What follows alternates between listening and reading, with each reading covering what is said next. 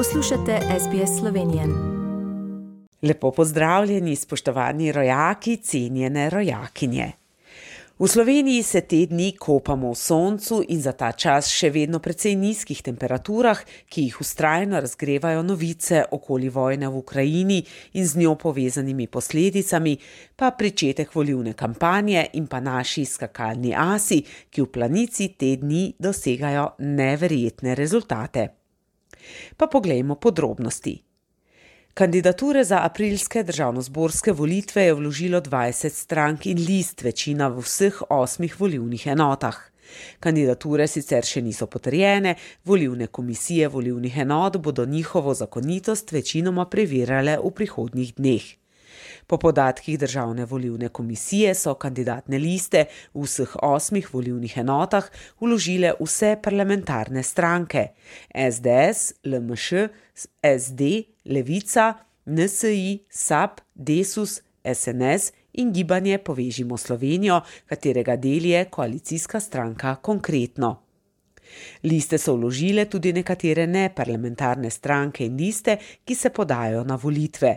V vseh volivnih enotah bodo imele svoje kandidatne liste in liste Gibanje Svoboda, Vesna zelena stranka, Naša dežela, Piratska stranka Slovenije, Za ljudstvo Slovenije, lista Borisa Popoviča, Nestrankarska ljudska lista Gibanje Zdrava družba, Resnica, Domovinska liga in Za ljudstvo Slovenije in Naša prihodnost ter dobra država, ki se na volitve podajata skupno listo kandidatov.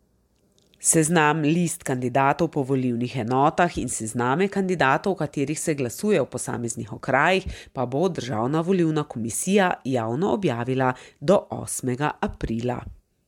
Še vedno mnogo skrbi povzroča vojna v Ukrajini. Ne le, da v Slovenijo prihajajo begunci, tudi naša pomoč v Ukrajino potuje redno.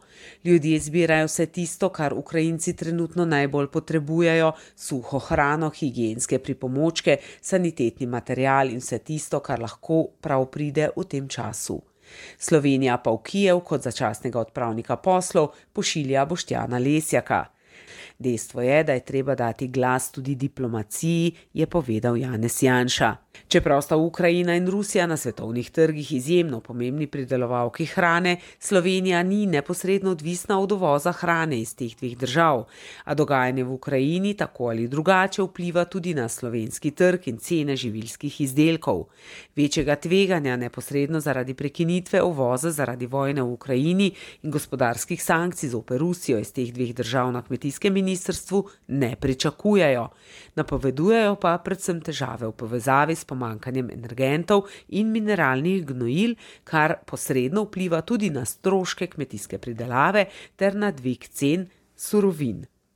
V Sloveniji hrane zaradi vojne v Ukrajini ne bo zmanjkalo, blagovne rezerve so dejanska rezerva in na podlagi tega lahko resnično rečemo, da nam hrane ne bo zmanjkalo in da ni potrebe, da potrošniki začnemo čezmerno kupovati, kot smo pred dvema letoma, je še dejal ministr za kmetijstvo Jože Podgoršek. V času zaostrenih razmer se vse bolj poudarja tudi pomen samooskrbe s hrano. Želimo si narediti trdne in močne verige, povezovati in oblikovati verige po veliki verjetnosti navzgor, torej od kmeta do trgovine. V teh dneh se je to pokazalo kot ključen korak, ki ga moramo narediti, da vendarle stabiliziramo pridelavo hrane in ponudbo v Sloveniji, so še besede ministra Podgorška. Koronavirus v teh dneh postaja vse bolj neznatna novica, kljub temu, da smo v zadnjih dneh beležili ponoven porast okuženih. V četrtek so pristojni v Sloveniji potrdili 2800 okužb z novim koronavirusom, umrlo je 8 oseb, 361 je hospitaliziranih. Kljub temu pa v teh dneh v Sloveniji praznujemo.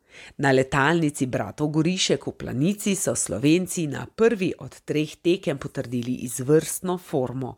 Žiga Jelar je dosegel prvo zmago v svetovnem pokalu, drugi je bil Petr Prevc, tretji Anžela Nišek, četrti pa Timi Zajc. Omenjena četverica zaseda tudi prva štiri mesta v seštevku za končno zmago v Planici.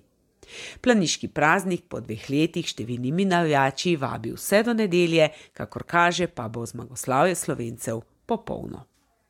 Včeraj pa smo praznovali tudi materinski dan. V Sloveniji imamo nekaj več kot 663 tisoč mam. Povprečna starost vseh mater, ki so rodile v letu 2020, je bila več kot 31 let. Povprečna starost tistih, ki so v letu 2020 rodili prvič, pa 29,6 let. Iskrene čestitke tudi vsem mamam tja daleč čez lužo voščim, sicer pa pošiljam obilico pomladanskega sonca. Tokratne novice sem za vas pripravila Katarina Valentar. Želite slišati sorodne zgodbe? Prisluhnite jim preko Apple ali Google podcasta, preko aplikacije Spotify ali kjerkoli drugje.